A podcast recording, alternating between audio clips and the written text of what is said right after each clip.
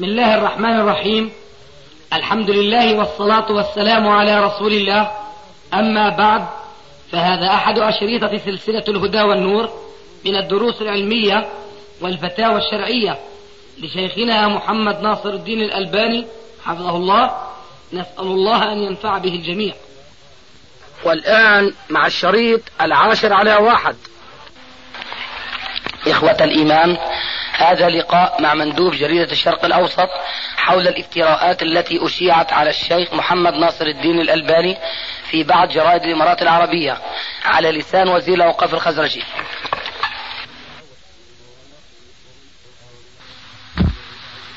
وأشياء عن الأقصى فأنت انه زعلان وقال لي يشهد المسلمون والشرق الأوسط تنشر أشياء غير سليمة هي قال لي كان الخبر نعم.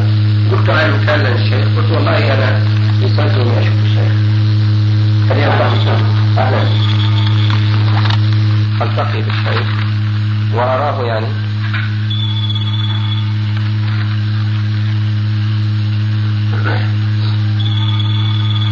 نعم. ألو.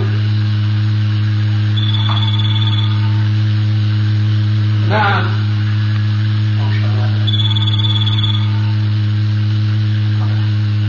ألو. وعليكم السلام ورحمة الله وبركاته. رحمة الله بكم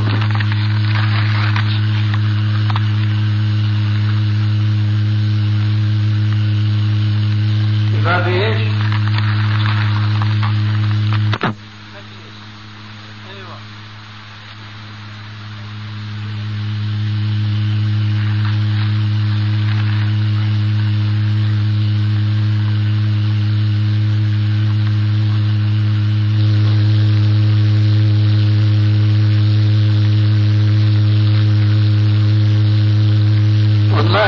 والله ما بستحضر الآن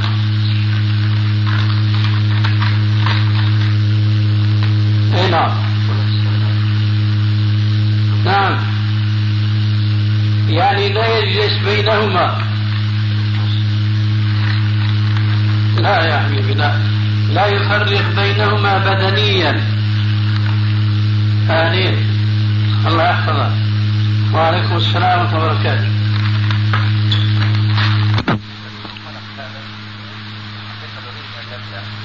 منطلق الخبر هذا بالذات هذا خبر رسالة لقيت انه الشيخ ابو شقرة يعني متأثر فيه والفعل أنا الثاني برضه هسه قرأته بالشكل الصحيح بصراحة وأنا طالع لاني لا اكتمت اني أنا كنت بقول لك لو واحد مرتاح شوي بعدين اسمع فمن واقع الخبر هذا إحنا بدنا ننطلق و آه، نصل إلى تقريبا صورة واضحة نستطيع ان نقدمها للانسان المسلم في العالم العربي أو في كل مكان وان شاء الله نحن آه، لا نريد الا خيرا ان شاء الله للجميع فايش كبدايه بنقول إيش تعليقك على هذا الكلام كله. أقول تعليقنا على هذا الكلام أن ناشر هذه الكلمة أو كاتبها وفي ظني أنه لا يمكن أن يكون هو الوزير الخزرجي نفسه لأني أتصور أن من كان في منزلته يتورع أن يكتب ما لا علم له به وليس فقط أن يفتري الكذب على دولته ليس على شخصي أنا لا. وإنما على دولته حيث يقول. أنه سبق قبل أربع سنوات. أي نعم. نعم إيش يقول هنا ويذكر أن هذه الجماعه ظهرت لأول مرة قبل أربع سنوات وعادت للظهور في الإمارات خلال رمضان. نعم. ويتزعمها شخص يدعى ناصر دي ألباني الذي لم يستطع نشر وترويج أفكاره رغم محاولته تلك في عدة دول إسلامية كما جرى طرده من الإمارات قبل أربع سنوات. فماذا يقول الإنسان إذا نحن أثبتنا دخولنا إلى الإمارات بطريقة رسمية وبجواز منذ سنة. كيف يجرؤون على مثل هذه الفرية؟ وكنت أنا قدمت أو اقترحت على الأستاذ أبو مالك قبل أن يلتقي بكم فيما يبدو أن نصور هذه صور هذه أشياء شوف تاريخها كم 3885 يعني قبل سنة فماذا يقول الإنسان عن مثل هذه الفرية؟ أما وذلك أعظم بلا شك لكن هذه تدمغهم في الصميم. لكن أهم عندنا هذه التهم التي جاءت في هذا المقال. من ذلك مثلا قولهم إن هذه الجماعة تنكر المذاهب الإسلامية الأربعة. ونحن لنا مؤلفات عديدة تبطل هذه الفرية أشد الإبطال. لأننا نتوسع جدا في الفقه الإسلامي بحيث أننا نصرح ونقول إن الله تبارك وتعالى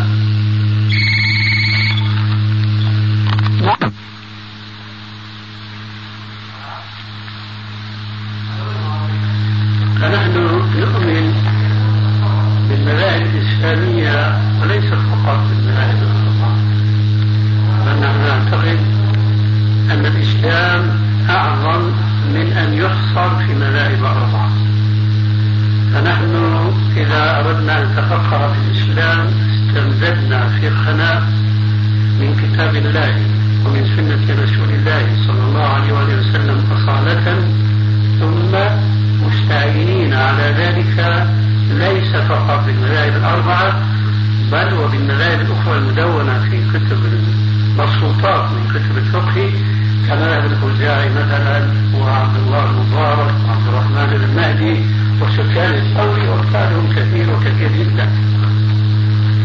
فهذه تهمة والتهمة الأكبر قول هذا الكاتب وتشكك بسنة رسول الله صلى الله عليه وآله وسلم هذا في الحقيقة يعني واقعة لا علاج لها.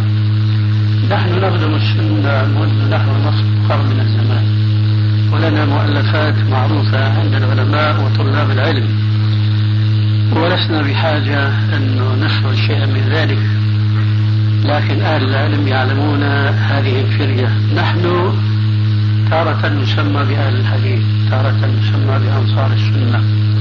تارة نسمى بالسلفيين لأننا ننتسب إلى السلف الصالح كمنهج علمي لفهم الكتاب والسنة. ولذلك فقول هذا القائل وتشكك بسنة رسول الله صلى الله عليه وسلم لعله يحسن أن يقال رمتني بداية وانسلمت عن طريق تكذيب أحاديث الصحاح المعتمدة. أولا هذا التعبير ليس تعبيرا علميا دقيقا لأن أحاديث الصحاح غير الأحاديث الصحيحة. الصحاح كتب آه، أشهرها وأصحها صحيح البخاري وصحيح مسلم. ثم يأتي من بعدها بمرتبة دون سابقاتها كصحيح ابن حبان وابن خزيمة ومستدرك الحاكم ونحو ذلك. فقولهم إنها تكذب أحاديث الصحاح المعتمدة. هذا علميا منتقد سواء من حيث التعبير أو من حيث المعنى. لأن أحاديث الصحاح ما دون البخاري ومسلم منتقدة من كثيرين من أهل العلم. من أوضح الأمكنة على ذلك المستدرك على الصحيحين لأبي عبد الله الحاكم النيسابوري. فهذا قد وضع عليه الإمام الحافظ الذهبي الدمشقي كتابا سماه تلخيص المستدرك فانتقده في كثير من الأحاديث. فنحن لا ننتقد الأحاديث الصحيحة وإنما ننتقد بعض الكتب التي شذت عن التصحيح العلمي الدقيق تبعا لكثير من علم الحديث. كالإمام الذهبي الذي ذكرناه آنفا وأمثال الإمام الزينعي والإمام العسقلاني ومثلهم كثير. وكذلك قوله الآن عطفا على ما سبق والتشكيك بصحة بعض الأحاديث النبوية الأخرى. هذا التشكيك إنما هو بالنسبة لأهل الجهل الذين لا علم عندهم بالأحاديث الصحيحة والضعيفة والموضوعة. يكون أحدهم في ذهن أحاديث تلقاها من بعض الناس وربما سمعها من ستته أو جدته أو نحو ذلك ممن لا علم عندهم بالصحيح والضعيف. فيأتي أحدنا ويضعف حديثا من هذه الأحاديث فيقول ضعف الأحاديث الصحيحة وهي ليست بصحيحة. وبهذه المناسبة نحن لنا كتب منشورة والحمد لله ويتداولها أهل العلم فضلا عن طلاب العلم منها سلسلتان إحداهما سلسلة الأحاديث الصحيحة وشيء من فقهها وفوائدها. طبع حتى الآن أربع مجلدات منتشرة في العالم الإسلامي وكثير منها أعيدت طباعته تكرارا. السلسلة الأخرى سلسلة الأحاديث الضعيفة والموضوعة وأثرها السيء في الأمة. ولا بأس من أن أضرب لك مثلا مشهورا. كثير من المساجد هنا وهناك يرى الرأي على باب آه، محراب المسجد آه، منبر المسجد حديثا.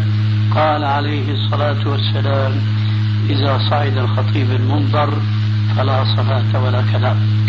إذا صعد الخطيب المنبر فلا صلاة ولا كلام. نعم. وعليكم السلام ورحمة الله وبركاته.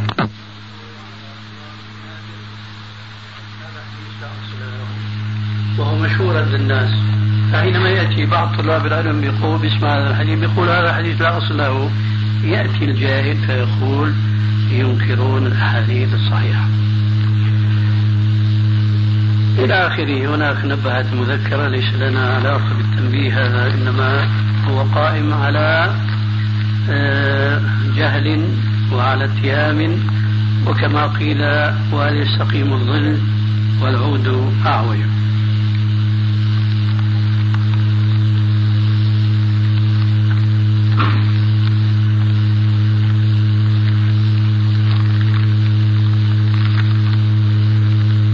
قوله إنه داء يجب استئصاله هذا في الحقيقة بناء على ما استقر في أذهانهم من أن كل حديث يسمعونه هو حديث صحيح بينما أجمعت الأمة الإسلامية كلها سلفها وخلفها أن السنة دخل فيها ما ليس منها ولذلك ألفت الكتب التي تميز وتوضح الحديث الصحيح من الضعيف.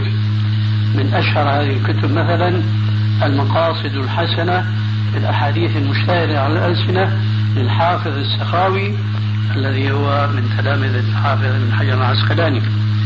وعلى كل حال من جهل شيئا عاداه أما قوله ويذكر أن هذه الجماعة ظهرت لأول مرة قبل أربع سنوات وعادت للظهور في الإمارات خلال رمضان ويتزعمها شخص يدعى ناصر الدين الباني هذا أيضا كذب وافتراء لأني لا أتزعم جماعة وإنما أنا أدعو كما يدعو غيري من أهل العلم إلى اتباع الكتاب والسنة وعلى منهج السلف الصالح الذين أمرنا أن نقتدي بهم في غير ما حديث نبوي صحيح مثل قوله عليه السلام في حديث معروف قال فيه وستفترق أمتي على ثلاث وسبعين فرقة كلها في النار إلا واحدة. قالوا من هي يا رسول الله؟ قال هي الجماعة. وفي رواية هي ما أنا عليه وأصحابي. ولذلك أمرنا باتباع السلف الأول ألا وهم الصحابة الكرام رضي الله عنهم لأنهم كانوا أوعى فهما للإسلام وأحرص على تطبيقه كما تلقوه من فم الرسول صلى الله عليه وسلم غضا طريا فنحن لا نتزعم جماعة إطلاقا إنما أنا طالب علم منكب على البحث والتحقيق وأهل العلم هو الذي هم الذين يعرفون حقيقة ما أقول. ونسأل الله عز وجل أن يصلح أحوال المسلمين وأن يحسن أخلاقهم ويوفقه لاتباع الكتاب والسنة وما كان عليه السلف الصالح رضي الله عنهم أجمعين. وفيكم إن شاء الله. الحقيقة يعني أنت أوضحت النقطة هذه يعني قضية الرد الكافي والشافي لا شك إن شاء الله. آه ولكن إحنا برضه نريد بعض الإيضاحات طبعا. تفضل. هي حول رحلاتك إلى أبو ظبي والمؤدى إلى مثل هذا الكلام حتى إحنا نكون على بينة. هناك مسجد في دبي اسمه مسجد خليل الرحمن. هذا هو الهدف. وهكذا كنت في سوريا. أدعو إلى اتباع الكتاب والسنة ليس إلا. طيب هل يعني زرتم الإمارات آه، كما يبدو أكثر من مرة؟ المرة السابقة. في أربع سنوات. زرت آه، بعد المرة السابقة نعم. أظن زرتها مرتين. نعم. وزرت قطر وزرت الكويت نعم. وهكذا.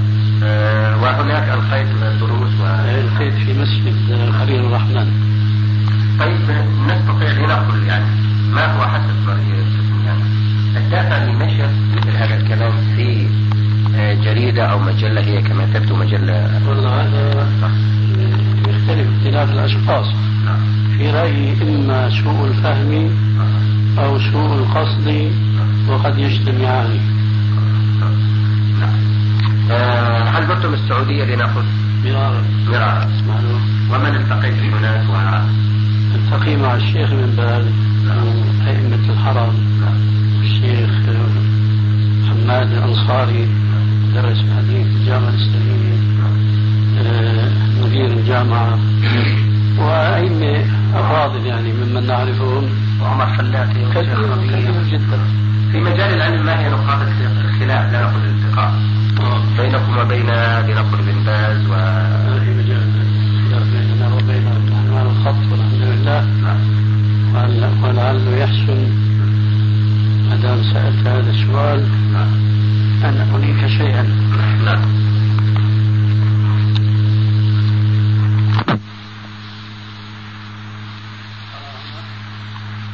نعم هذا من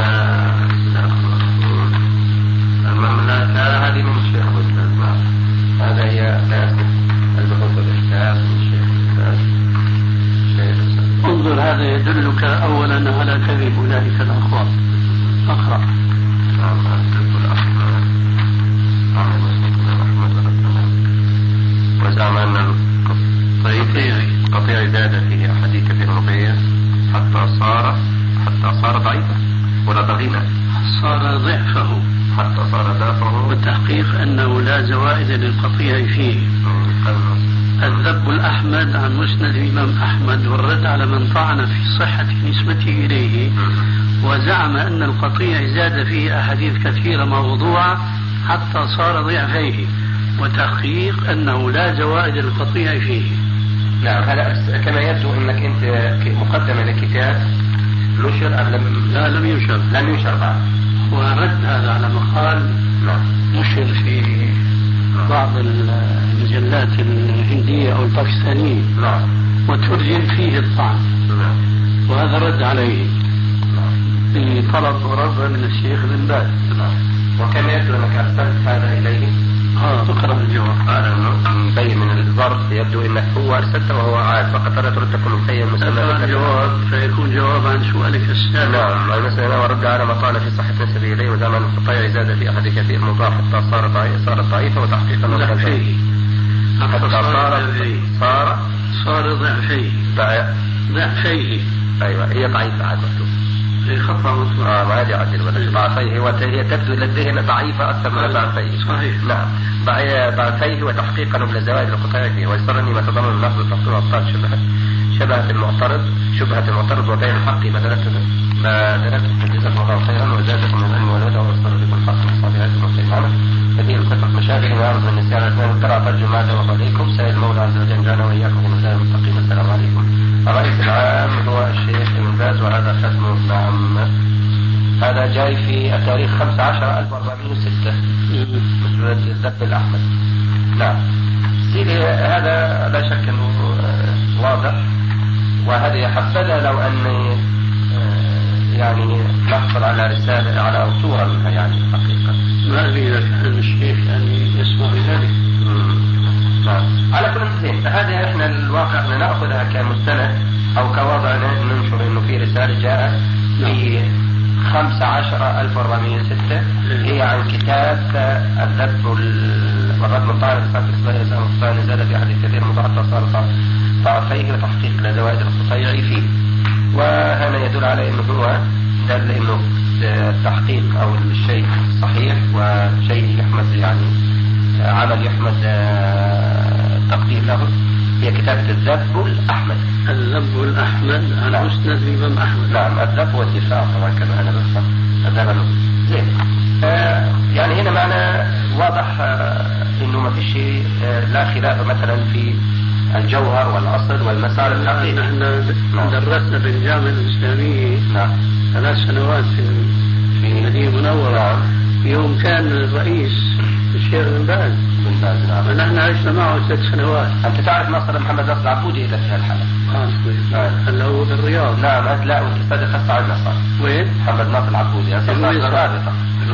نعم. اعرفه بالرياض الامين آه ما هو هو كان بالاول في نعم. الجامعة. نعم ثم نقل الرياض. نعم طيب إذا بهذا الوضع يعني واضحة. إذا هذا نرجع ونقول إنه آه، الكلام اللي نشر كلام كما يبدو يجب يحتاج إلى التصحيح ويحتاج إلى دفاع رد وإحنا إن شاء الله سنعمل على ذلك لكن إذا ننطلق من هذا المنطلق طبعا هذه ناخذها إن شاء الله ننطلق نقول يعني طيب أنت آه، الشيخ آه، ناصر آه، إيش موقفك من الاجتهاد وال وأهل العلم في الوقت الحاضر وواجبهم اتجاه الكتاب والسنة. أجبتك انفا نعم. نحن نسبونا إلى أننا ننكر المذاهب أربعة. نحن نؤمن بالمذاهب أكثر مما يؤمنونه به آه لا شك في ذلك، إحنا هذا موضوع مطلوب منه لكن إحنا نقول ما هو موقفك كانسان آه له العلم من موضوع الاجتهاد وضرورته في الوقت الحالي وما هو وما هو واجب علماء الدين والفقه؟ أن يجتهدوا ويعملوا في هذا الوقت لإبراز الكتاب والسنة واتخاذ المسار الصحيح في هذا الوقت. لنا مقدمة نعم. في صفة صلاة النبي. لنا كتاب اسمه صفة صلاة النبي صلى الله عليه وسلم. نعم. تحب أن تسمع ما قلته من عشرين سنة أو أكثر؟ وما في طبعا تعرف إنه هذا تذكر لي ولو شيء مقتضى. قليل منه أنا اخشى فإذا نعم. من شاء التفصيل أحدناه على هذه المقدمة وهي في نحو خمسين صفحة. نعم. نحن كنا آنفا ندعو إلى اتباع الكتاب والسنة وعلى منهج السلف الصالح. ومعنى هذا أننا نحارب الجمود التقليدي وأننا ندعو المسلمين إلى أن يتحرروا من الجمود الفكري الذي ران على قلوبهم طيلة نحو عشر قرون وزيادة. ولا يحررهم من ذلك إلا أن يعودوا إلى الكتاب والسنة. وأن يطبقوا ولو آية واحدة ألا وهي قوله تعالى فإن تنازعتم في شيء فردوه إلى الله والرسول إن كنتم تؤمنون بالله واليوم الآخر ذلك خير وأحسن تأويلا.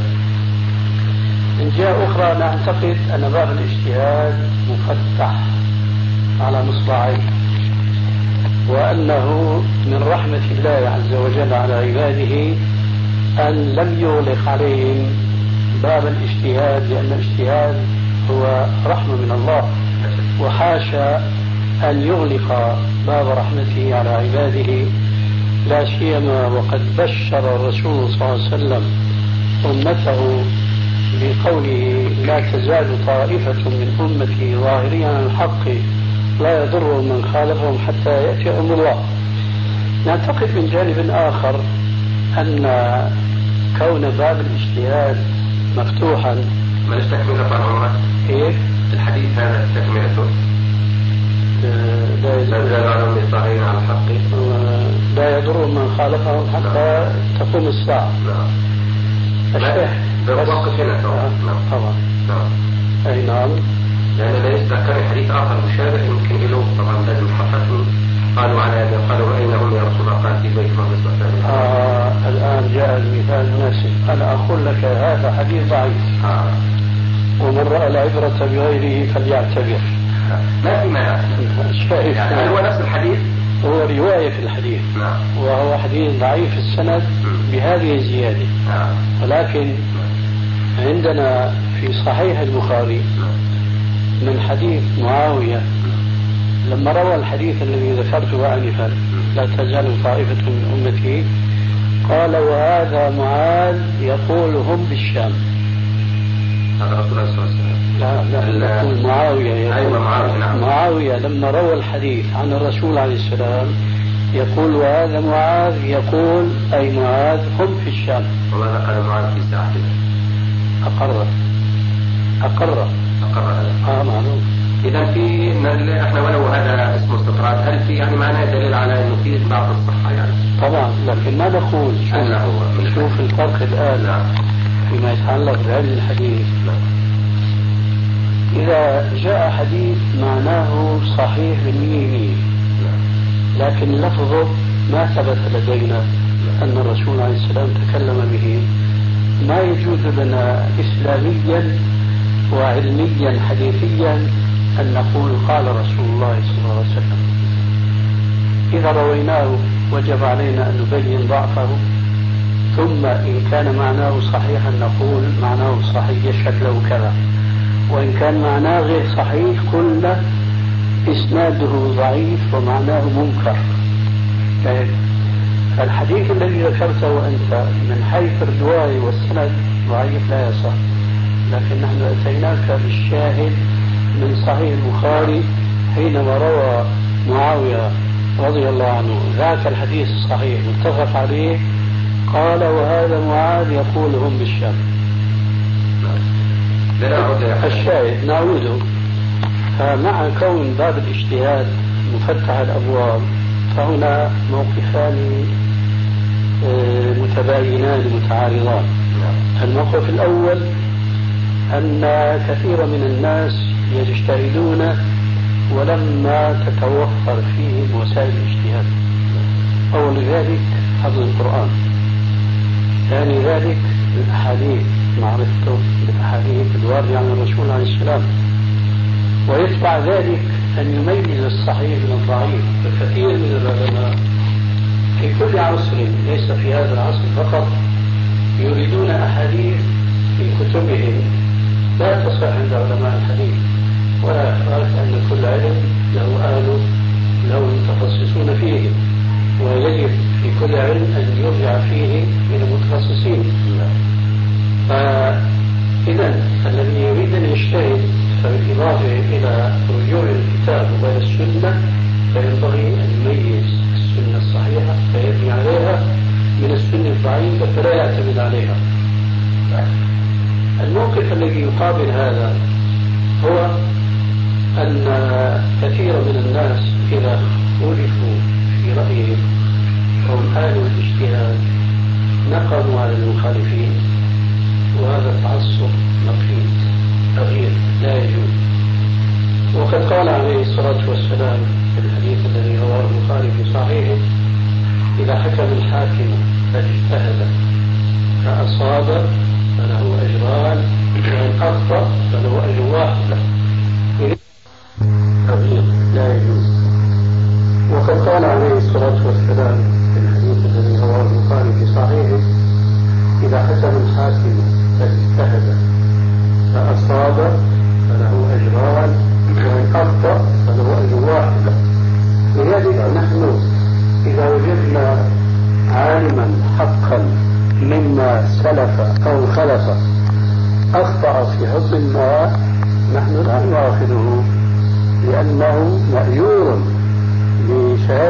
الحديث السابق. لكن ذلك لا يمنعنا أن نقول كما قال عليه السلام في الحديث نفسه أخطأ. أنه في صواب وفي خطأ. فإذا بدا لنا أن زيد من الناس ممن سلف أو خلف كما قلنا أخطأ في رأي ما في مسألة ما ذلك لا يحول بيننا وبين أن نقول أخطأ زيد من الناس. التي كلمة خصة يعني مأجور أجر واحدا وقد جاء في الحديث أيضا في صحيح البخاري أن أبا بكر الصديق رضي الله عنه طلب من رسول الله صلى الله عليه وسلم أن يسمح له بتأويل رؤيا قصت على مسامي عليه السلام فأذن له. فسأله هل أصبت يا رسول الله؟ قال أصبت بعضا وأخطأت بعضا. فلا نتورع نحن من أن نقول فلان أخطأ لأن هذه كلمة ليست قدح وليس فيها أي مغمز أو طعن. عند من يفهم الذي يفهم أن من أخطأ مجتهدا فهو مأجور فليس في ذلك أي رمز أو لم. وإنما الواقع نحن نعرف أن كثيرا من الناس لا يعرفون هذه الحقيقة ولذلك فهم يعظم عليهم أن يقال فلان أخطأ وقد خطأ أفضل البشر أفضل الصحابة كما سمعت آنفا. هذا موقفنا من الاجتهاد وأهل الاجتهاد. نقر الاجتهاد ولأهل الاجتهاد ولا ننقم على من أخطأ لكن ذلك لا يحول بيننا وبين بيان الخطأ بالدليل من الكتاب والسنة. الواقع كما اسلفت يعني رديت طبعا على حكاية الجماعة أنكم جماعة وجماعة أنتم ليسوا كما الصحابه جماعة. وانما أنتم مجرد يعني مجموعة هل نستطيع أن نقول ذلك؟ ممكن. جماعة المسلمين كلهم نحن لا نتريث عليهم وندعوهم جميعا إلى كلمة سواء أن يعودوا إلى كتاب الله وإلى حديث رسول الله. ومنهاجنا في ذلك كلمة تكتب بماء الذهب في رأيي. رويت عن الإمام مالك إمام دار الهجرة قال من ابتدع في الإسلام بدعة يراها حسنة فقد زعم أن محمدا صلى الله عليه وآله وسلم خان الرسالة. اقرأوا قول الله تبارك وتعالى اليوم أكملت لكم دينكم وأتممت عليكم نعمتي ورضيت لكم الإسلام دينا. قال فما لم يكن يومئذ دينا لا يكون اليوم دينا ولا يصلح آخر هذه الأمة إلا بما صلح به أولها. هذا منهاجنا في الدعوة الحقيقة يعني كان يسعدني أن أستزيد أكثر وأكثر. ولكن نحن برضو كالتقديم ومق أو مقدمة لما سنقول إن شاء الله. جميل. نعم. آه نريد استعراض سريع لحياة الشيخ الألباني من بداية حتى هذا الوقت. ولو استعراض خفيف على سبيل أن تكلمنا في هذا كثيرا. هو صح نعم وفي جرائد نعم صفحات نشرت في ذلك. نعم ولكن موجز أقول بدأتم في آه، لنقل في الأردن كم سنة لكم في الأردن؟ خمس سنوات. خمس سنوات. نعم. وما يعني ما هو نشاطكم أو جل نشاطكم؟ التأليف. التأليف. نعم. آه، تقريبا لو ذكرت لنا بعض المؤلفات اللي وضعتوها ترى مرتين ذكرت بعضها في السنة. المؤلفات تبلغ نحو 150 كتابا. وطبع منها نحو 50 وأكثر. نعم. عندي كتاب مثلا إرواء الغليل في تخريج حديث منار السبيل في ثمان مجلدات. عندي كتاب تحقيق وتخريج مشكات المصابيح من ثلاث مجلدات ضخمة. عندي كتاب أحكام الجنائز وبدعها نعم عندي آداب الزفاف في السنة المطهرة. عندي صلاة العيدين في المصلى هي السنة. عندي تحقيق الكلم الطيب من كلام الرسول عليه الصلاة والسلام. وعندي صحيح الجامع الصغير وضعيف الجامع الصغير. وعندي ما لا أذكره الآن وهذا بحث طويل. الله يعطيك العافية الله يعطيك بارك العافية الله. آه، هل تريدكم زيارة ال- الأماكن المقدسة؟ أنا آه، لي عادة أعتمر في رمضان وأحج إلى بيت الله الحرام كل سنة. ما شاء الله. وربما حججت نحو ثلاثين حجة. ما شاء الله. ومثلها عمرة. أي. ما شاء الله. لكن هذه السنة نعم.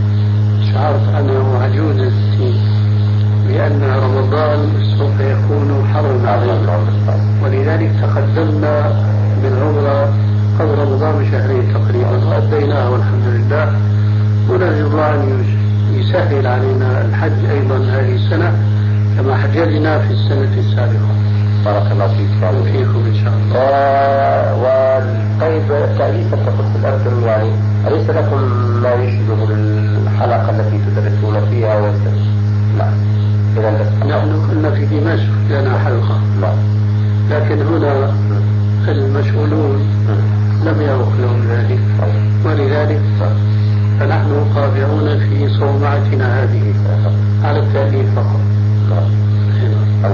هل سبق أن تعاملتم مع رابطة العالم الإسلامي؟ مع إيش؟ رابطة العالم الإسلامي ما سبق.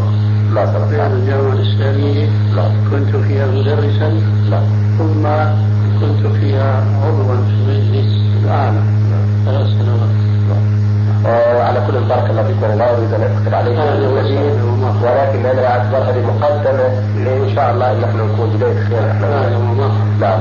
هو زي ما تفضلت صحيح أنت اعطيت اشياء ونشر عنك أشياء كثيرة. ولكن أنا أقدر أقول لك كقارئ مسلم بلا مؤاخذ أو كإنسان يتعامل برضه ما كانش عندي فكرة كاملة عن آه عنه ممكن ذلك فنقصد أن إحنا إن شاء الله نحاول أن نستفيد من هذه. انه آه ما دام إحنا ننوي خير فإن شاء الله يكون سواء في من خلال في جريدة أسبوعية تصدر في الرابطة. فنعمل إن شاء الله ننشرها برضه في هذه الجريدة وهي تاخذ إلى بلدان كثيره نكون إحنا نعرض الصورة. ونسالكم ونشكركم وحسن استقبالكم والى اللقاء يمكن ناخذها إحنا قد منها ما في لأن هذه إحنا ما بدنا صور ولا عايزين صور لا الحمد لله هذا هذا الصور نعم نحن ليس من أهل الصور وهذا ما ما بس لي رجاء إذا نشر شيء من هذا الصدد هل آتي إليك به؟ مش به ترسله قد أكون آتي أنا بنفسي وجزاك الله خير إذا بقيت هنا نتشرف بزيارتك مرة إن أخرى شاء الله سأزورك زيارة عادية أهلا مرحبا فيك أهلا بارك الله فيك. أهلا فيك. أهلا وهنا ينتهي اللقاء مع مندوب جريدة الشرق الأوسط. الحمد لله والصلاة والسلام على محمد بن عبد الله صلى الله عليه وسلم وعلى آله وصحبه ومن والاه. شيخ ما هو حكم من مات من المسلمين؟ وهو يجهل التوحيد حيث لم تصله الدعوة إما لجهله هو أمي لا يقرأ ولا يكتب وإما لكون بعض العلماء الجاهلين تولوا نشر الدعوة بين الناس وأضرب مثل على ذلك الصوفية. فأغلب الناس يتصوفوا ويعلموا أن الصوفية عبادة. نعم. و يعني في كنت فضيلتكم تكلمت عن عن قضية الدعوة ونشر الإسلام إحدى الأجوبة وضربت مثلا عن القاديانية إن من لم تصله الدعوة الحقة عن دعوة التوحيد فهم إن شاء الله يعني لهم معاملة خاصة كما ورد فضيلة السؤال. إن عرفت فالزم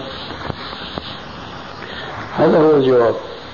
أي هذا النوع من المسلمين يعاملون فيما نعلم من دين الإسلام عند رب العالمين معاملة من لم تبلغهم الدعوة.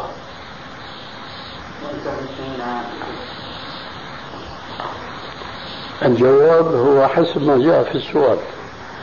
أنت وصفت ال- الوضع الذي عاش فيه هذا الإنسان. يعني المجتمع الذي عاش ذلك الإنسان الذي مات وهو لم يفقه التوحيد يغلب عليه أو هو صورة ممثلة لهذا المجتمع الذي لم يفهم التوحيد.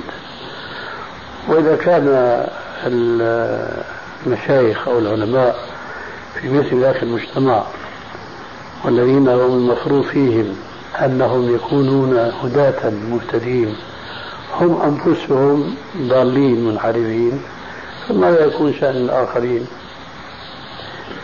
يعني كما قيل إذا كان رب البيت بالدف ضاربا فما على الساكنين فيه إلا لطفه. هل هناك سؤال جاء في إحدى المجلات وفي إحدى الجرائد؟ وأنا أريد أن السؤال وأريد أسمع الجواب. هل هناك صباح في الصلاة في من تاب وهو في السن يعني؟ ولم يصلي طيلة حياته. فهل يقضي متى تمام الصلاة؟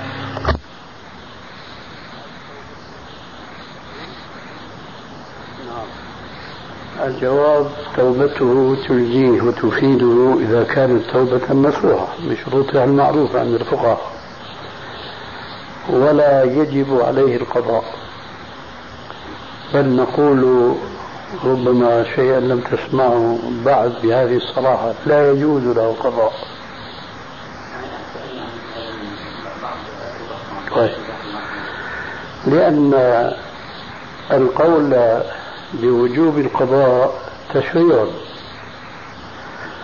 والتشريع ليس لأحد منه نصيب فإنه من خصوصيات رب العالمين تبارك وتعالى كما يستفاد بمثل قوله تعالى أم له شركاء شرعوا له من الدين ما لم يأذن به الله. نحن لا ننكر أن علماء كبار قالوا بوجوب القضاء ولكن لما كان هؤلاء العلماء الكبار من علمهم وفضلهم أنهم وجهوا الأمة كلها إلى وجوب الرجوع عند التنازع إلى كتاب الله وإلى حديث رسول الله كما هو صريح القرآن. فلما فعلنا واستجبنا لهم فيما به نصحونا لم نجد عندهم دليلا ملزما بما ذهبوا إليه من القول بوجوب القضاء. على أن بعض المتقدمين منهم لا يصرحون بالوجوب وإنما يقولون يقضي. والأدلة التي يستدلون بها لا تنهض بدعواهم بل هي تنقلب عليهم عند إمعان النظر فيها في هذه الأدلة. فمثلا ولا نطيل في هذا محافظة على الوقت يقول بعضهم الدليل على ذلك قوله عليه السلام من نسي صلاة أو نام عنها فليصليها حين يذكرها. يقولون إذا كان النبي صلى الله عليه وسلم أمر الناسي والنائم بالقضاء فلأن يأمر المتعمد من باب أولى. نحن نقول هذا قياس معكوس تماما. لأن الناسي والنائم مرفوع عنهما القلم فكيف يقاس عليهما من لم يرفع عنه قلم وهذا القياس في الواقع هو كما يقول ابن حزم مع مبالغته المعهودة لأنه يمكن القياس جملة وتفصيلا لكنه أحيانا حينما يناقش القياسيين يقول هذا قياس والقياس كله باطل ولو كان منه حق لكان هذا منه عين الباطل. الحقيقة هذا قياس هو عين الباطل. وكما يقولون أيضا في مسألة أخرى وهي مسألة الكلام في الصلاة بالنسبة للنائم أو بالنسبة للناس أو الجاهل. يقولون تبطل الصلاة قياسا على المتعمد. كيف يجوز؟ غير متعمد يقاس على المتعمد. فإذا لا يجب على مثل هذا الإنسان الذي لم يكن يصلي في ما مضى من الزمان ثم تاب وأناب إلى الله عز وجل لا يجب عليه أن يقضي بل لا يجوز لأنه شرع ما أنزل الله به من سلطان هل يجب على أقل تقدير ثمن الزكاة زكاة أموالنا إلى المجاهدين الأوغان إيش قلت ثمن؟ الثمن ثمن؟ نعم. لماذا خصصت الثمن؟ لماذا ما قلت الزكاة كلها مثلا؟ هل هناك شيء مقصود ولا إيه؟ لا أقل تقدير لأنه جاءت الزكاه مقسمه إلى ثمان أجزاء. يعني فهناك من قال عندنا الثمن يجب دفعه على أقل تقدير يعني دفعها كلها ولكن أقلها الثمن اللي خصص بالايه لا ما فيش تحديد هذا هو يجوز مطلقا عندنا.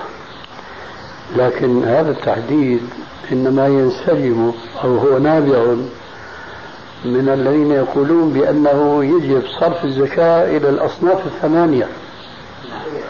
أيوة ولا يجوز صرف الزكاة إلى صنف واحد وهذا لا دليل عليه. فيجوز إذا بدون هذا التضييق أو هذا التقسيم.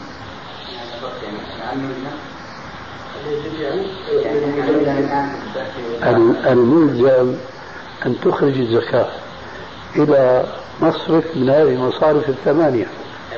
فأنت مخير. نعم. وطلب الشيخ أنه عنكم أنكم توجبون. نعم. توجبون الزكاه للمجاهدين فقالوا قبل جزء من الثمن حتى نأخذ من الوجوب لا لا أنا أقول يعني تجب الزكاة بمعنى أنهم أهل للزكاة. ما دام أنهم يجاهدون في سبيل الله. لكن ما اعني أنه مثلا عندك فقير. تعرفه فقيرا. وأنه لا يجوز لك أن تعطي هذا الفقير وإنما تصرف زكاتك كلها إلى المجاهدين. ما أعني هذا؟ نعم.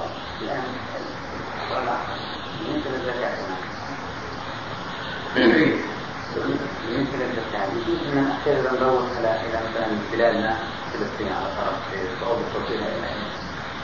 حتى نعود تعني يعني تأجيلها؟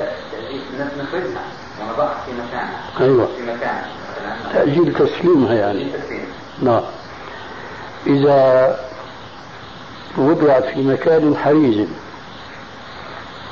وكتب عليها احتياطا لعل المزكي مرض مات إلى آخره بحيث أنه يضمن أن تصل إلى أولئك الفقراء فيجوز نقل الزكاة من بلد إلى بلد آخر خلافا لما يذهب إليه الشافعي وغيرهم لأن حديث معاذ الذي يستدلون به ليس صريحا في المنع وبخاصة تعرف حديث معاذ أظن لما أرسله الرسول لليمن وقال له فإنهم أجابوك فأخذ من أموالهم لترد على فقرائهم. أي نعم. فهذا الحديث آه، اولا ما بيدل على أنه لا يجوز إخراج الزكاه من بلد إلى بلد آخر لأن اليمن مجموعة بلاد. ما قال مثلا إلى صنعاء حدد يعني. هذا من جهة ومن جهة أخرى انه لو حدد هذا لا يعني أنه لا يجوز. إذا كان هناك فقراء في بلده أخرى هم مثلا أحوج من البلدة الأولى.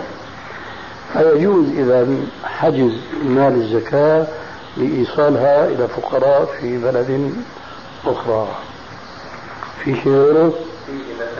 إيه، تفضل حتى تجي يجي الشاي معلش لا لا لا لا سمعنا منكم فتوى. بخصوص الأموال الانتاج إحنا بالعمري كلنا. الحقيقة مجدا ذلك. نعم. اشترينا بعض العمري نعم. لما اشترينا من الفتوى فأوقفنا الشراء وأوقفنا البيع. نعم. عندنا أموال كنا اشتريناها. مثلا اضرب مثال رياض لبنان كنا اشترينا أيام ما كانت أغلى قليلا من الآن. والآن الوضع متدهور. فهل نبكي ما معنا حتى نبيع على الاقل راس مالنا ولا نبيع ونخلص لا تبيع تخلص لأنه ما تدري ما يفعل الله بيجوز يزداد التداول أو يقف أو يعني يتحسن الأمر. أنت فهمت الفكرة التي نحن يعني نحملها وتحملنا على أن نقول لا يجوز المتاجرة لأن هذه عملة ورقية لا قيمة لها. قيمتها بما يرصد لها من ذهب كما كانوا يقولون قديما. المتاجرة بها هو أشبه وخاصة في هذا الزمان كالمقامرة. أنت شايف مثلا بعض العملات القوية كالدولار الأمريكي مثلا. مرة بيخفضوه مرة بيرفعوه وهذا معناه حسب مصلحة الدولة الكبيرة هذه. فإذا هذه مقامرة فأنت تصبر مثلا للوقت اللي بتظن أنه راح يرتفع. وإذا بك تصاب بخلاف ما إيش ظننت. آه هذا مقامرة لكن هي في الحقيقة لو كان في هناك عملة مستقرة ثابتة كانت بتكون من باب آه آه، بيع الذهب بالذهب متفاضلا وهذا لا يجوز بصريح الأحاديث المعروفة. فمن أجل هذا نحن نقول الصرف لا يجوز إلا في حدود الحاجة والضرورة يعني. أما المتاجرة بها فلا. ما هو صور السرقة مفسدات الصور التوضيح صحيح.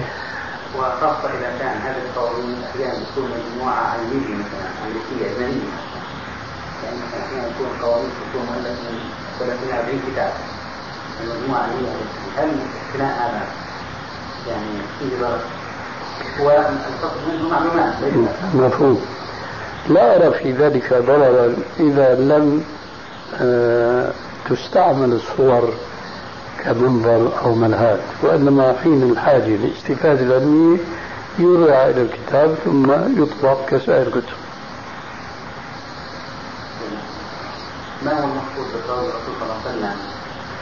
بالمسحة الحسين فكرت ما طائرتين فقد من بعض الإخوة السلفيين يعني هم علقوا على يعني فرقهم لهذا الحديث. فنريد التوضيح بإرسال ما طائرتين هل يعني توضأ غسل الرجل الأولى وأدخلها في الحذاء ثم غسل الرجل الثانية وأدخلها في الحذاء ماذا؟ مقصود طائرتين مش لغة وإنما شرعا طاهرتين ممكن تفسيرهما يعني غير نجستين. ويمكن تفسيرهما وهذا الواجب يعني طاهرتين يعني موضأتين وحينما يكون الرجل قد غسل قدمه اليمنى فما يقال توضأ لأن وضوءه لا يتم إلا بغسل الرجل اليسرى. فأدخلتهما طاهرتين يعني بطهارة كاملة بوضوء كامل. فالذين يفسرون خلاف هذا التفسير يفسرون باللغة فقط. وعندنا كما لا يخفى على الجميع لغتان لغة عرفية عربية ولغة شرعية. والأصل في تفسير العبارات الشرعية هو اللغة الشرعية وليس اللغة العرفية. واضح؟ طيب. وإياك. لأن سؤالنا يمكن شيء طويل لكن أنا أسأله خير إن شاء الله. إيه؟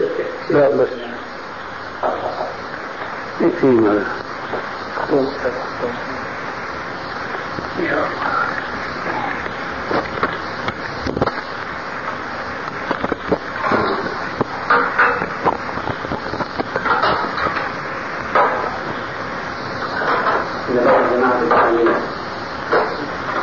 نعم معظم الجماعات الإسلامية الموجودة على الساحة الآن؟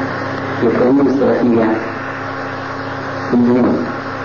يقولون أنتم تجلسون على الكراسي وتشرعون يعني ما في تنظيم. في لو صار بس يحكون شيء يكسر لو واحد. يعني بهذا المعنى.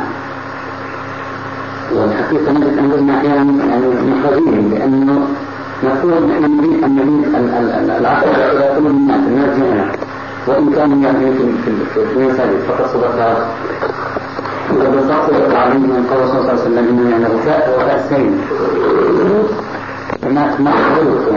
على مثل قضية التنظيم أو التجمع أو هذه العبارات؟ نحن غير منظمين صحيح.